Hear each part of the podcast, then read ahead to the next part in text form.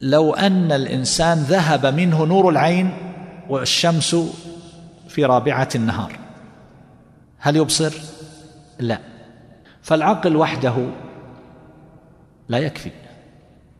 والعلم وحده لا يكفي. قد يكون الإنسان يشار إليه بالبنان ما أعقله ولكنه لا يوفق ولا يحسن التدبير وقد يكون عند الإنسان كثير من العلم حافظ أشياء كثيرة جدا لكن لم يرزق العقل الراجح. ويكون هذا العلم سببا للفتك به وبغيره. يتلاعب به أصغر الصحفيين. يوجه إليه أسئلة وتأتيك الإجابات تشرق وتغرب. ثم تفاجأ أنها بالخط العريض. في اليوم الثاني في تلك الصحيفة. ليس هناك عقل. لا يقيس الأمور بصورة صحيحة. ليس عنده حسن نظر. فتأتي إجاباته غير مسددة مع كثرة العلم والحفظ. فيسأل عن أشياء فيجيب ويذكر أدلة. ثم يفتن الناس بسبب ذلك. فهذا يفسد أكثر مما يصلح يهدم معه معول قوي. وهذه النصوص والأدلة والحفظ والعلم لكنه لم يكن بيد راشدة. اذا الداعيه حتى يكون حكيما بالحكمة لا بد له من العلم ولا بد له من العقل. فإذا اجتمعا فهما كنور العين مع ضوء الشمس فيبصر الأشياء على حقيقتها. طيب من فقد العقل؟ الراجح. لكن عنده علم طالب علم ماذا يفعل؟ نقول لا تستعجل ولا يصدر منك شيء. شاور وراجع أهل العلم ولا تتسرع. لا سيما فيما يتصل بالبرامج المباشرة. فهذه أخطر. هذه تحتاج إلى علم وتحتاج إلى سرعة بديهة وتحتاج إلى حكمة تحتاج إلى حسن تصرف. فقد يحسن الإنسان أحيانا الكتابة أو نحو ذلك لكنه إذا خرج ببرنامج مباشر أزرى بنفسه. اذا نحن بحاجة أيها الأحبة أن نقول لمثل هذا من فقد العقل الراجح عليك أن تشاور. تستفيد من أولي الألباب. فهذا إذا ترك وحده يطيش وكل يوم يخرج لك ببلية ومصيبة باقعه ومن كان عنده عقل وليس عنده علم بما أنزله الله عز وجل على رسوله صلى الله عليه وسلم ليس له فقه في الدين فنقول له ارجع إلى أهل العلم. اسأل أهل العلم. شاور أهل العلم. لا تثق بعقلك. فهذا يكمل هذا. وبهذا نسلم أيها الأحبة من كثير من الإشكالات. بالحكمة. الحكمة تقتضي أيها الأحبة معرفة بمراتب الأشياء مراتب الأفعال والأقوال. من جهة الحسن والقبح والصلاح والفساد. قيل لها حكمة هذه المادة حاكامة تدل على المنع. حكمة اللي حديدة في الفرس في فم الدابة تمنعها من الانفلات تضبطها في سيرها. الحاكم لأنه يمنع أحد الخصمين من التعدي على حق الآخر. والحكم كذلك. فالحكمة تزم صاحبها. ينضبط. تأتي أقواله مسددة. وأفعاله مسددة على نهج صحيح فهي تمنع من الخطل في الرأي والخلل في القول والفعل. الحكمة تقتضي أيها الأحبة معرفة بمراتب الأشياء مراتب الأفعال. هناك ضرورات ثم حاجيات ثم تحسينيات على ثلاث مراتب. ليس على مرتبة واحدة. ثم إن الضرورات خمس وليست على مرتبة واحدة أعلاها الدين. ثم النفس ثم العقل. ويأتي بعد ذلك العرض والمال. فالحكيم يدرك هذه المراتب. فإذا ازدحم عنده مصلحتان لا بد من إهدار واحدة. ما يستطيع أن يقوم بهذا وهذا. فإنه يقدم الأرفع. كيف يعرف الأرفع؟ يعرف أن هذه في قسم الضروريات أو الحاجيات أو التحسينيات. وإذا كان كل واحدة من قبيل الضروري في قسم الضروريات فإنه ينظر هذه تتعلق بالدين وهذه تتعلق بالعرض مثلا. هذه تتعلق بالنفس وهذه تتعلق بالمال فيقدم التي تتعلق بالنفس. التي تتعلق بالمال. كذلك أيضا هناك أمور تعتور هذه الأحوال والأعمال فقد تكون المصلحة متعلقة بالمجموع يعني مصلحة عامة. ومفسدة خاصة. فهنا نقول درء المفاسد مقدم على جلب المصالح لكن له ليس دائما. قد تكون المفسدة الخاصة تتعلق بالدين وهو أعلى الضروريات. والمصلحة العامة تتعلق بالمال فماذا نقدم؟ درء المفسدة الخاصة على تحصيل المصلحة العامة. بهذا نعرف أن القاعدة المشهورة درء المفاسد مقدم على جلب المصالح أنها ليست على إطلاقها. تحتاج ميزان وقل مثل ذلك درء المفاسد مقدم على المصالح. المصلحة العامة مقدمة على المصلحة الخاصة ليس على إطلاقه. قد تكون المصلحة الخاصة مقدمة ليه؟ لأن المصلحة الخاصة تتعلق بالدين والمصلحة العامة تتعلق بالمال. فازدحمتا فماذا نقدم؟ المصلحة الخاصة. لكن حال التساوي بين المفسده والمصلحة في المرتبة كلاهما من قبيل الضروري وكلاهما يتعلق بالنفس أو كلاهما يتعلق بالدين. فهنا نقول درء المفاسد مقدم على جلب المصالح أو نقول المصلحة العامة مقدمة على المصلحة الخاصة. إذا تساوت مفسدتان ماذا نفعل؟ ننظر في المراتب. القاعدة المشهورة أنه يرتكب أخف الضررين لدفع أعلاهما. كيف نعرف الأعلى والأدنى؟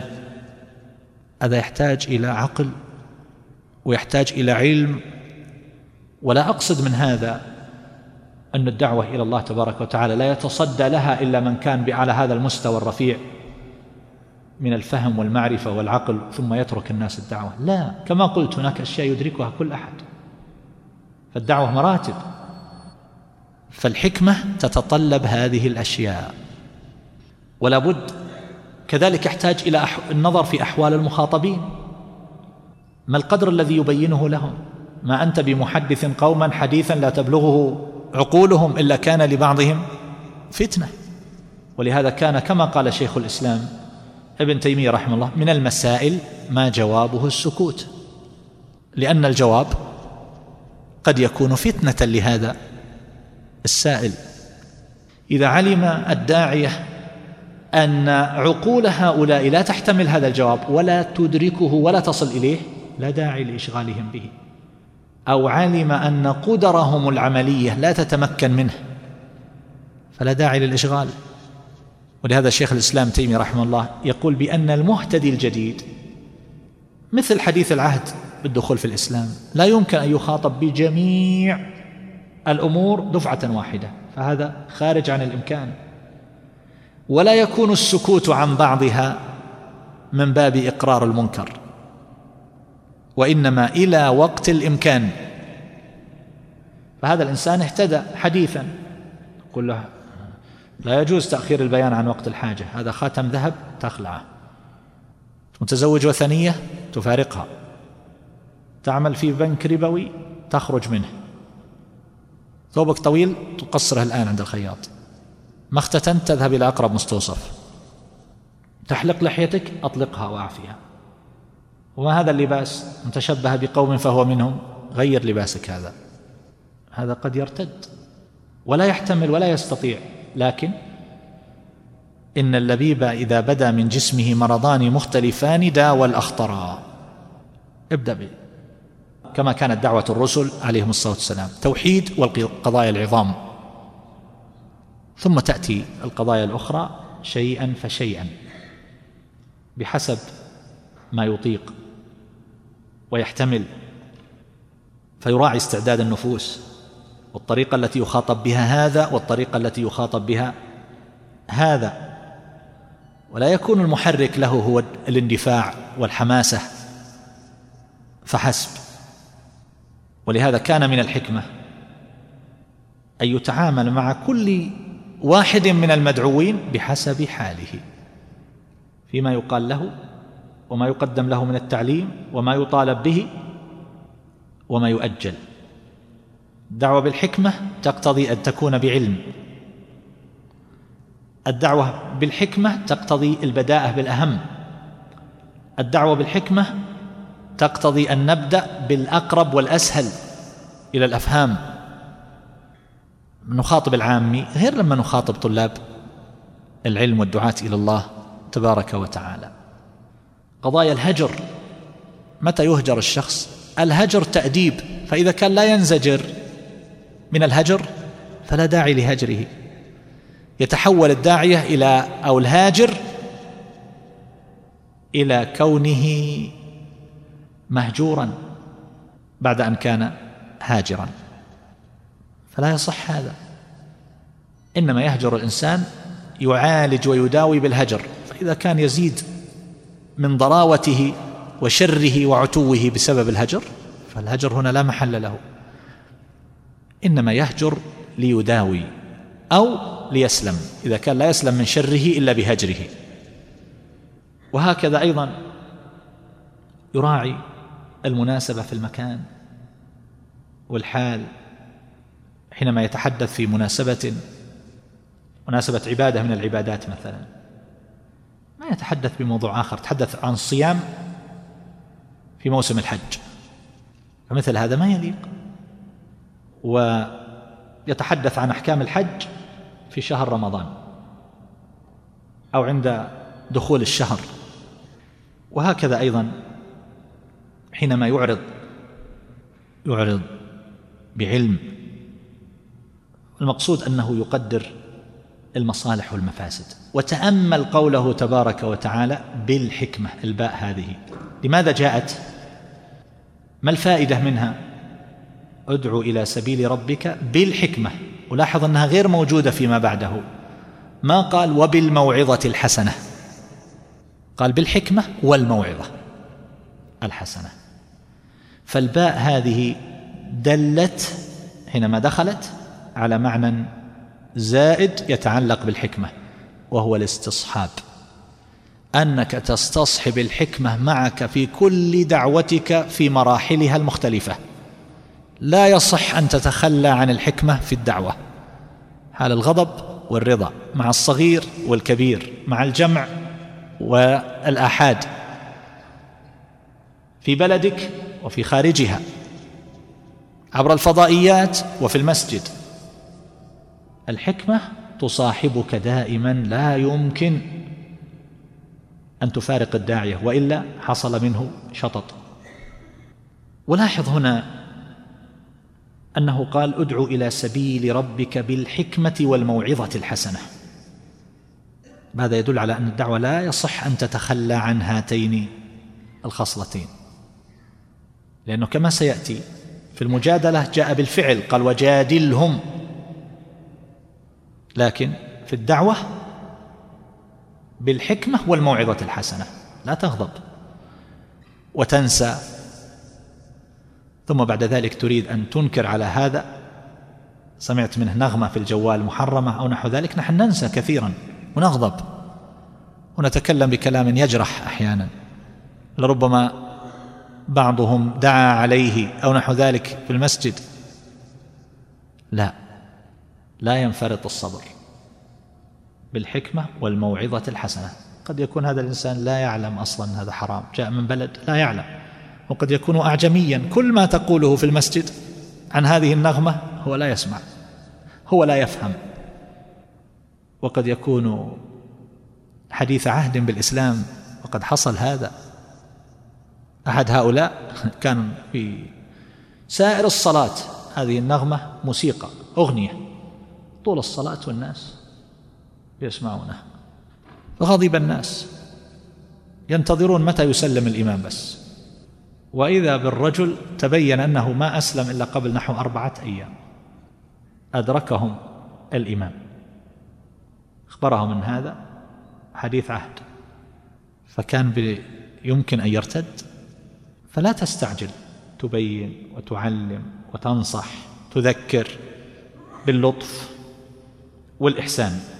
ما يمكن أيها الأحبة كما قال بعض أهل العلم عن بعض من كان فيه صلف أن تصكه بالجندل وتنشقه الخردل وتقول له اقبل مني. ما يمكن.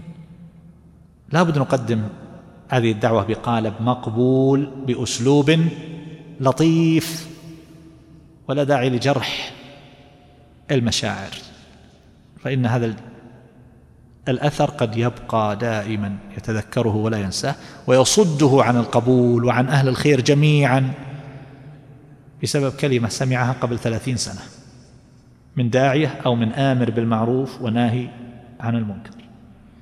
ولاحظ هنا أنه أطلق الحكمة. الموعظة قال الموعظة الحسنة. وفي الحكمة ما قال بالحكمة الحسنة. لماذا؟ لأن الحكمة حسنة في كل حالاتها ولا يمكن أن تقع بغير ذلك.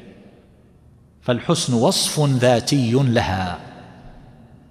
فلا تحتاج أن تقيد لكن الموعظة قد تكون بالتي هي أخشن. قد تكون هذه الموعظة في غير محلها في غير وقتها. لذلك من الأمور التي تحرج الداعيه أحيانا يصعب الكلام فيها في مقامين. الناس في المآتم وفي الأفراح. قد يكون التصرف غير المحسوب يحول هذه المناسبة إلى شيء آخر. ولذلك يحتاج الداعية إلى أن يتبصر ويتصرف بأسلوب لائق. من الذي يخاطب بالحكمة؟ من أهل العلم كالحافظ ابن القيم رحمه الله وذكر هذا بعض المفسرين.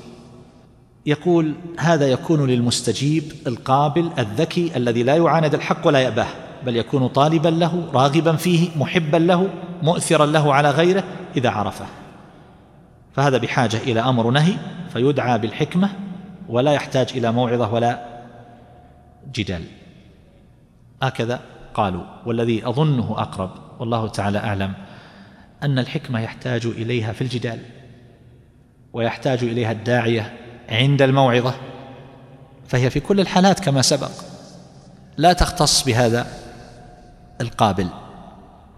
ثم تأمل قوله تبارك وتعالى والموعظة الحسنة.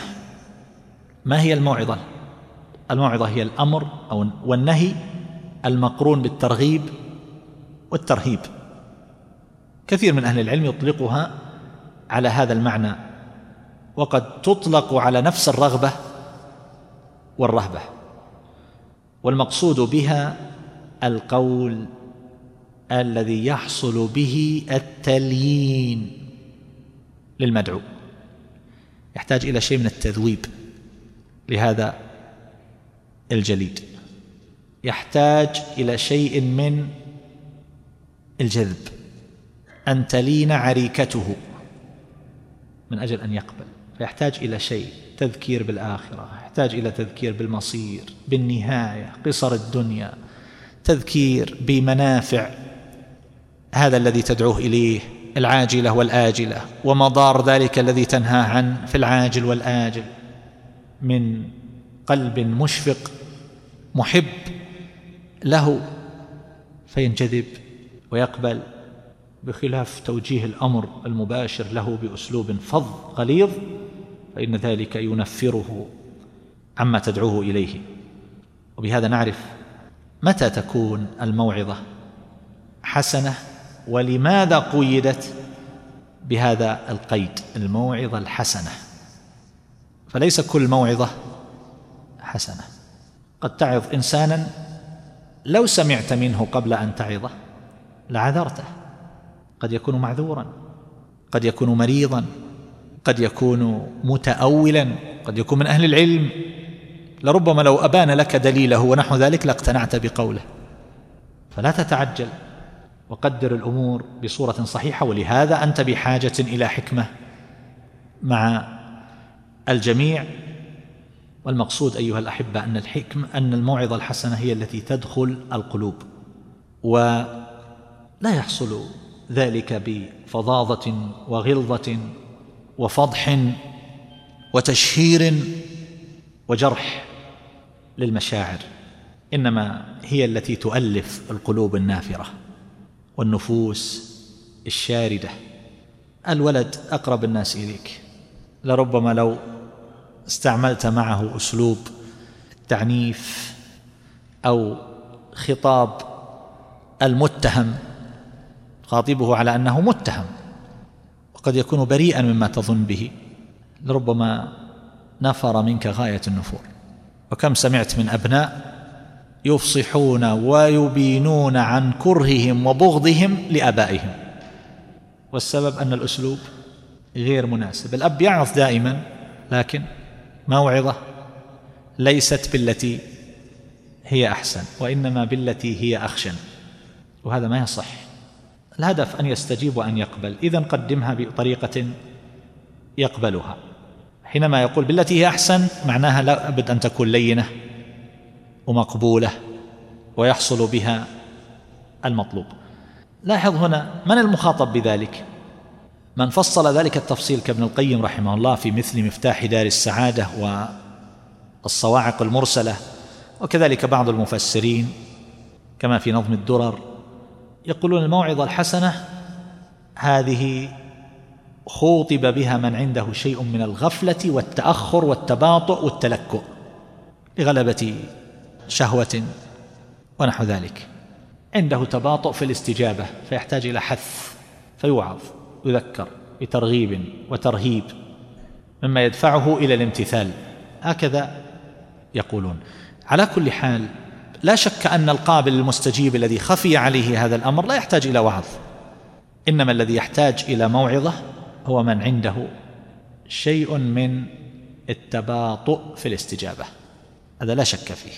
لكن ذلك لا يعني اختصاص بعض الناس بالموعظة وبعض الناس بغيرها. لا الإنسان نفسه تكون له حالات فأحيانا يكون بحاجة إلى وعظ وأحيانا فقط بحاجة إلى تعليم أن هذا ثابت عن النبي صلى الله عليه وسلم.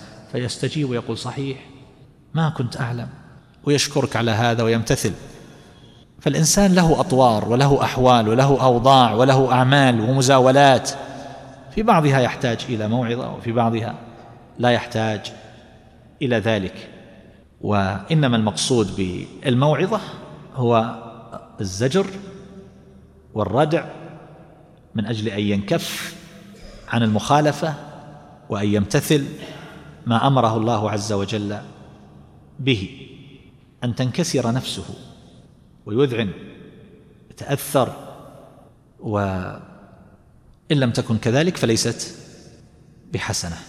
ولهذا فإن حسنها يشمل مضمونها كما يشمل مبناها الصيغة.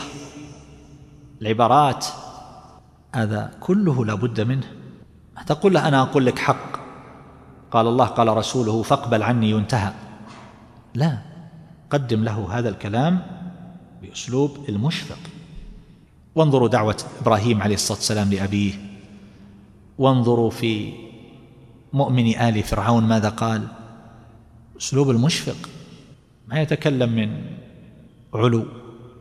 وكأن الناس هم الذين يحترقون ويموتون كما نقل عن بعض الوعاظ. كان يعظ الناس ويقول لهم يا جماعة المسألة فيها جنة ونار المسألة جد. لا يجيني بكرة أحد يقول لي كيري ميري. بكرة يعني إيش؟ يعني يوم القيامة. فهذا الكلام ماذا تفهم منه؟ أنه قد ضمن النجاة. هو ناجي لكن المشكلة في الناس. مسألة جد جنة ونار. لا يجيني بكرة أحد يقول لي كيري ميري. هو سيأتيك أحد يقول لك كيري ميري. خلص نفسك.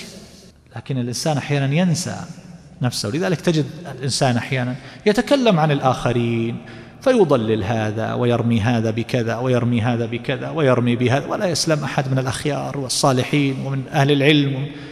وكأنه جالس على عتبة الجنة آخذ ببابها ويتكلم من هذا المنطلق. وأنت إذا كان كل هؤلاء هلك ما حالك وما موقعك؟ فالإنسان أحيانا ينسى نفسه ويغفل. ثم قال الله تبارك وتعالى وجادلهم بالتي هي أحسن. النبي صلى الله عليه وسلم كان يلقى من قومه أذى كثيرا ورموه بالعظائم وكان يدعوهم ويجادلهم. فالله علمه أن تكون المجادلة بالتي هي أحسن. مع ذلك الصلف الذي كان يلقاه منهم. لاحظ المجادلة يكون فيها حضور قوي للنفوس. لذلك المناظرات بين العلماء بين الفقهاء. ذكر جماعة من أهل العلم أشياء وأمور. بعضهم يزحف للآخر حتى يأخذ بلحيته ولربما قذفه تحمر الوجوه. لماذا حضور قوي للنفس في حال المناظرة والمجادلة؟ لأنه يشعر أن ذلك لربما تهتز به مرتبته ومكانته ربما يصر على الباطل. وقد ذكر ابن حزم مثالا عجيبا لأحدهم كما في كتاب الإحكام له في أصول الفقه أن أحد هؤلاء من المنتسبين للعلم نطق بالآية تكلم بالآية بطريقة خاطئة. فلما قالوا له ليست هكذا قال بلى. فأحضروا له المصاحف فقال لا. فدخل إلى بيته وجاء بمصحفه يقول فجاء بها والحبر لم يجف. معناها غيرها غيرها من أجل أن يقول أنا صح أنا صح ما أخطأت تخطئوني فالمجادلة أيها الأحبة هي الاحتجاج لتصويب شيء وإبطال ما يخالفه. والكلام في الجدل يطول. الجدل أحيانا يكون مع من يريد إقرار الباطل ولا يريد الحق فهذا لا يجادل. يكون أحيانا مع متمحل يجادل في أمور من صعاب المسائل والأغاليط من أجل أن يظهر ما عنده أو أن يختبر الآخرين في علمهم. أو من أجل أن يقضي وقت الفراغ أو يشبع نهمة في نفسه يحب الجدال أو يجادل في أمور فرضية لا يمكن أن تقع أو يبعد جدا أن تقع فهذا لا يجادل. من يقصد رد الحق بكل وجه ولا يريد أن يسمع الحق ولا هذا لا يجادل. لذلك تسمعون. قبل أيام في بعض القنوات سمعته في الإذاعة تلك القناة تخرج في الإذاعة.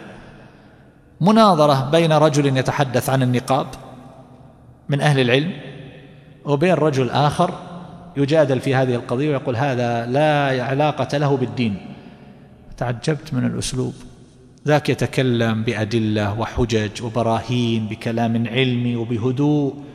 أما ذاك فملأ الدنيا ملأ الاستوديو ضجيجا لئلا يسمع من الآخر شيء اطلاقا. وين الدعوة إلى الحوار؟ وين ال... من الاقصائي ومن أحادي الرأي والتفكير والمتقوقع والمنزوي والمنكفئ على الذات والسياط التي ألهب بها جلود الدعاة إلى الله عز وجل. لا يريد أحدا يسمع ما يقوله هذا الرجل من أهل العلم في مسألة النقاب. هذا مثال. فهذا لا يجادل. يقال إذا سألك إنسان كما كان يفعل بعض أهل العلم الشعبي رحمه الله إذا سأله أحد عن سؤال يعني قال له كم بلغ سعر الحنطة؟ الذي يريد أن يجادل في مسائل بدهية أو في قضايا فقط للجدال أو نحو ذلك؟ قل له كم بلغ سعر الحنطة؟ طبعا غالبا لن يفهم هذا. يقول ها؟ قل له كيف الحال؟ عله أن يفهم. جاءك إنسان يريد يجادل في بدهيات في مسلمات وبعض المشايخ كان يقول إذا كانوا على طعام يقول له كل رز. هذه المجادلة بالتي هي أحسن تكون لمن؟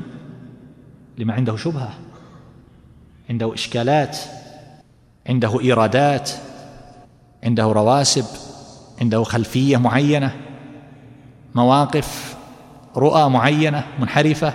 أن يجادل ما يحتاج إلى وعظ هذا. تقول له اتق الله وراك موت وجنة. يقول لك أنا أعتقد هذا حق. أموت عليه وأدعو الله عز وجل أن يثبتني عليه. هذا ما يحتاج إلى موعظة هذا يحتاج إلى مجادلة. لكن بالتي هي أحسن. يحتج الإنسان بالأدلة الصحيحة. يحتج عليه بأدلته كما كان يفعل شيخ الإسلام ابن تيمية رحمه الله. يقول لا يوردون دليلا إلا جعلته حجة عليهم. ألا تتحول المجادلة إلى مشاتمة وانتصار للنفس؟ ابدأ معه بنقطة الاتفاق. تجنب العبارات المستفزة. إذا أراد أن يجعل له يجعل له خط رجعة. بعض الناس يحشر المجادل في زاوية ضيقة لا أنت قلت كذا. يقول أنا أعوذ بالله أنا ما أقول هذا. يقول أنت قلت عندي الشهود.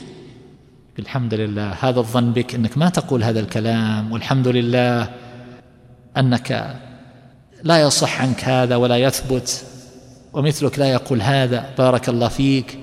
سددك. لا بعض الناس لا. أنت قلته هل لو حشرت دويبة في زاوية الهرة نطت في حلقك. وهكذا أيضا لا نضخم الشبهة كما كان يفعل بعض الناس. ولهذا قالوا عن الرازي بأنه يورد الشبهة نقدا ويرد عليها نسيئة. يأتي الشبهة يقررها بطريقة قوية ويأتي الرد ضعيفا. لا لا تضخم الشبهة. الرد يجب أن يكون قويا. وما إلى ذلك؟ بعيدا عن التحامل والترذيل والشتائم. فإذا تحولت القضية إلى شتائم وسباب إلى آخره معناها أن الحجج قد أقفرت. لا يوجد عنده حجج. فتحولت القضية إلى مغالبة. حجج هي التي تفعل فعلها. هذا ميدان الحجج وليس ميدان الشتائم والعراك بالأيدي. فإذا أفلس الناس من الحجة تحولت جدالهم إلى مهاترة وشتائم وسباب لا تليق بالعقلاء فضلا عن الدعاة إلى الله تبارك وتعالى. وكثيرا ما يختلط على الإنسان قيمة النفس عند الناس وقيمة الرأي. فيعتقد أنه إن تراجع عن الرأي معناها أن ذلك حط من قيمته عند الناس. لا الرجوع عن الباطل فضيلة. الرجوع إلى الحق فضيلة. تتبع الحق خير من أن تستمر على الباطل والكلام في هذا كثير. ولذلك ينبغي أن يكون هناك في المجادلة أسلوب حكيم بحيث لا تشعر هذا بطريقة مباشرة أنه قد ذل وانكسر إلا في حالة وهي ما إذا كنت تقصد من المجادلة كسر هذا الإنسان وبيان جهله لا تقصد هدايته. فعندئذ هات من الحجج القوية ما يكسره. متى يكون هذا إنسان فتن الناس؟ وهو جاهل صاحب شبه صاحب هوى ولا يقبل الحق ولا يريد من الجدال الحق والفتن به الناس تقام مناظرة وتدمغ حججه ويبطل باطله ويكسر ويفضح ويعرى جهله هذا لا إشكال. لا نقصد هدايته إنما نقصد نبين جهله للناس. فهذا لا إشكال فيه. لكن ما عداه يشعر أن ذاته مصونة قيمته باقية كريمة. إنما المقصود كشف الحقيقة فقط والاهتداء إليها في سبيل الله ولله لا لشيء من حظوظ النفوس. كل ذلك يدل على أن هذه المجادلة تكون بالتي هي أحسن فهذا القيد لا بد منه. ولا يصح أن تتحول المجادلة إلى شيء آخر. فتكون العبارات الأساليب القوالب كلها بالتي هي أحسن. ولاحظ هنا أنه قال أحسن تخير الأحسن. والأنفع والأرفع والأرفق والألطف. ترددت بين عبارتين؟ خذ الأفضل. وكذلك أيضا هي أحسن من ما يقوله ذاك فقد لا ينضبط قد لا يحفظ لسانه قد لا يتأدب فلا تجاريه فتنزل معه. لا لا لا حلق بالتي هي أحسن. تكون كالشجرة المثمرة يرميها الناس بالحجر وتسقط عليهم الثمر. ولاحظ هنا أنه قال وجادلهم. ما قال؟ ادع إلى سبيل ربك بالحكمة والموعظة الحسنة والمجادلة بالتي هي أحسن. جادلهم. دل على أن المجادلة حالة عارضة. وأن الإذن فيها إنما يكون بهذا القيد بالتي هي أحسن. وإلا فالأصل في المجادلة انظروا إلى ورودها في القرآن في عامة المواضع إنما وردت في مقام الذم. على سبيل الذم. إن الذين يجادلون في آياتنا وجادلوا بالباطل وتتبع ورودها في القرآن وهي مأخوذة من الجدالة كما يقولون وهي الأرض الصلبة فلا يلجأ إليها إلا عند الحاجة وبهذا القيد بالتي هي أحسن. يكفي إن فيها حضور النفوس وتوتر فما تحتاج إلى من يصب عليها مزيدا من الوقود. فتشتعل نارا محرقة. وأيضا لما كانت المجادلة للمعرضين والمخالفين قال وجادلهم قال ادعو إلى سبيل ربك بالحكمة والموعظة الحسنة. ثم قال وجادلهم جاء ضمير الغائب لأولئك الذين لم يقبلوا دعوتك. لديهم شبهات لديهم عقائد يحتاجون إلى مجادلة. جادلهم. نعم. فجاء هنا بهذا الضمير ضمير الجمع للغائب. و ثم قال إن ربك هو أعلم بمن ضل عن سبيله وهو أعلم بالمهتدين. هذه فيها عبرة حيث ختم الله بها هذا هذه الآية. عليك أن تبلغ وعليك أن تقدم الدعوة إلى الله عز وجل. إن عليك إلا البلاغ ليس عليك أن تنقر عن قلوبهم. هذا ما في خير وهذا ما يصلح وهذا فيه كذا وهذا منطوي قلبه على كذا وهذا يقصد فقط كذا وهذا يمثل وهذا يتظاهر وهذا يتستر بكذا من أجل كذا. لا لا لا لا ما أمرنا بهذا. النبي صلى الله عليه وسلم وهو رسول الله مؤيد بالوحي يعلن للناس أنه ما أمر بأن يشق عن قلوب الناس عن صدورهم ولا ينقر عن قلوبهم. يعلن هذا. فالقلوب تترك لربها. ما عليك من حسابهم من شيء. حسابهم على الله. فهذه الجملة أيضا أيها الأحبة إن ربك هو أعلم. إن هذه تشعر بالتعليل. إن ربك.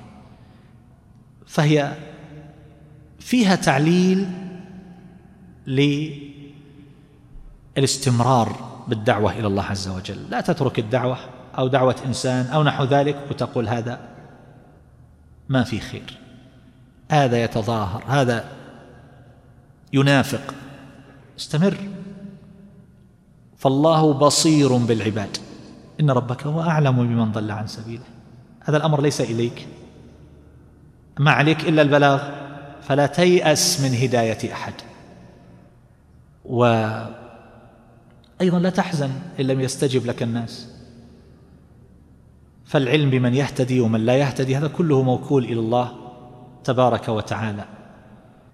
وهكذا أيضا تأمل قوله هنا إن ربك هو أعلم. هو فالمجيء بضمير الفصل فيه تقوية للكلام. هو أعلم. فصل بين طرفي الكلام بالضمير. هو يقوي وفيه أيضا دلالة على الاختصاص أو يشبه الاختصاص والحصر. هو وحده فقط أعلم بمن ضل عن سبيله. ليس ذلك إليك. ولاحظ أنه هنا قدم إن ربك هو أعلم بمن ضل عن سبيله هو أعلم بالمهتدين. ما قال هو أعلم بمن اهتدى؟ وهو أعلم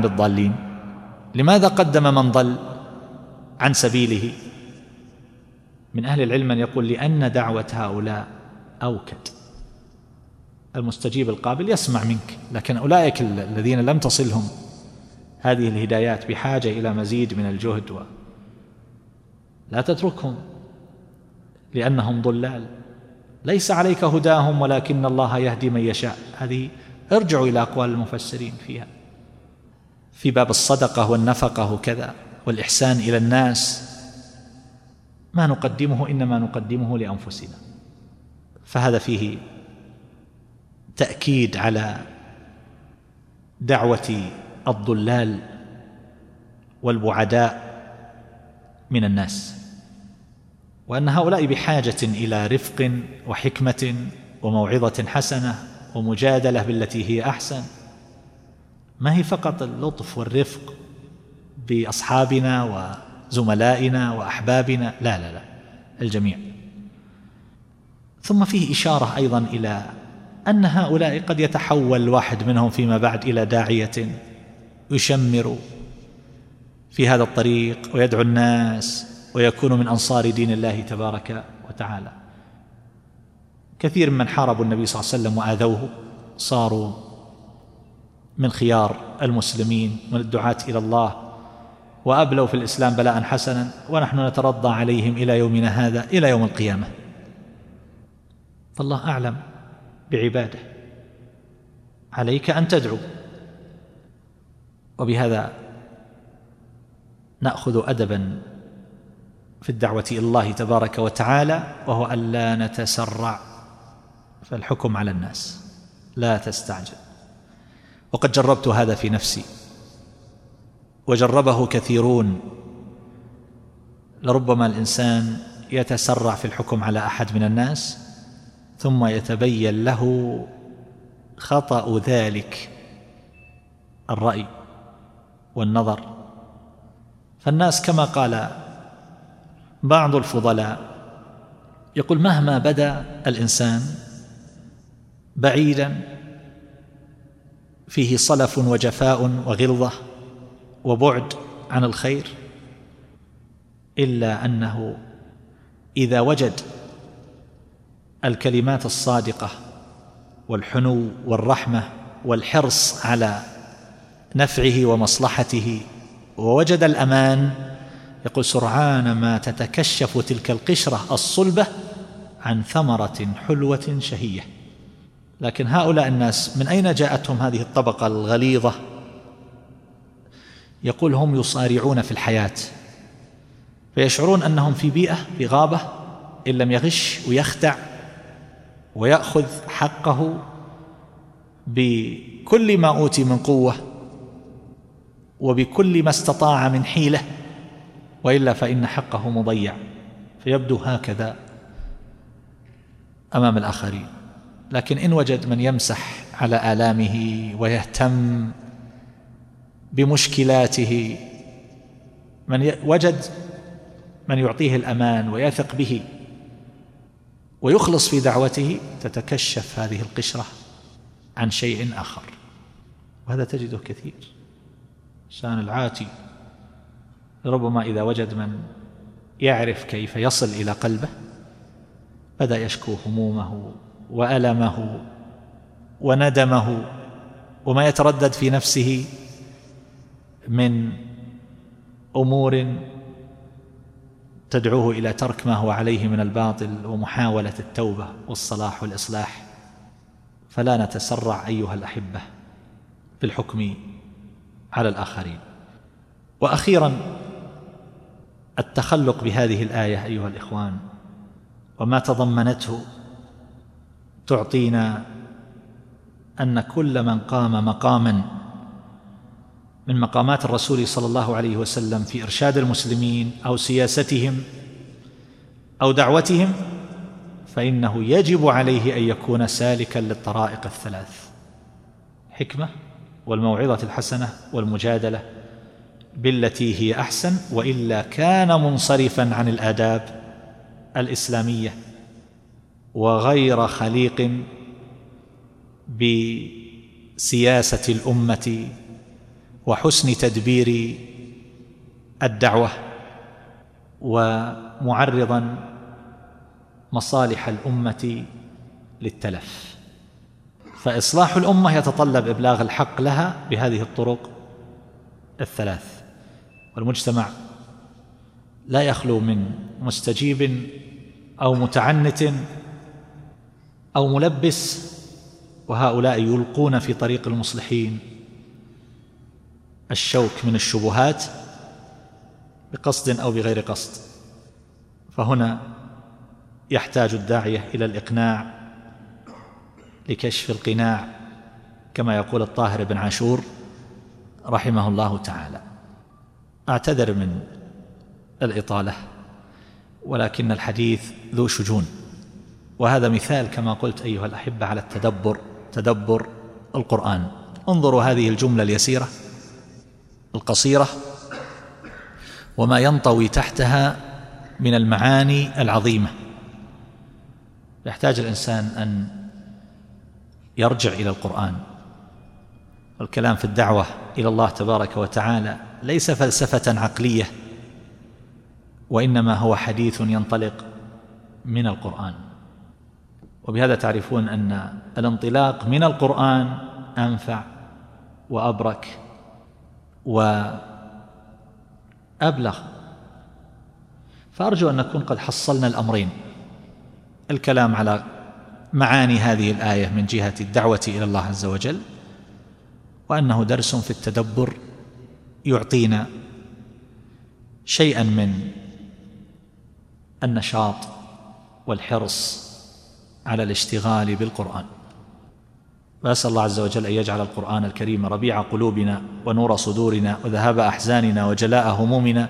اللهم ذكرنا منه ما نسينا وعلمنا منه ما جهلنا. وارزقنا تلاوته آناء الليل وأطراف النهار على الوجه الذي يرضيك عنا. أسأل الله عز وجل أن يوفقني وإياكم لما يحب ويرضى وأن يلهمنا رشدنا ويقينا شر أنفسنا وصلى الله على نبينا محمد وآله وصحبه. جزى الله فضيلة الشيخ خير الجزاء وجعلنا الله وإياكم ممن يستمعون القول فيتبعون أحسنه. وتقبلوا تحيات إخوانكم في تسجيلات الراية الإسلامية بالرياض هاتف رقم أربعة تسعة واحد واحد تسعة ثمانية خمسة. والسلام عليكم ورحمة الله وبركاته.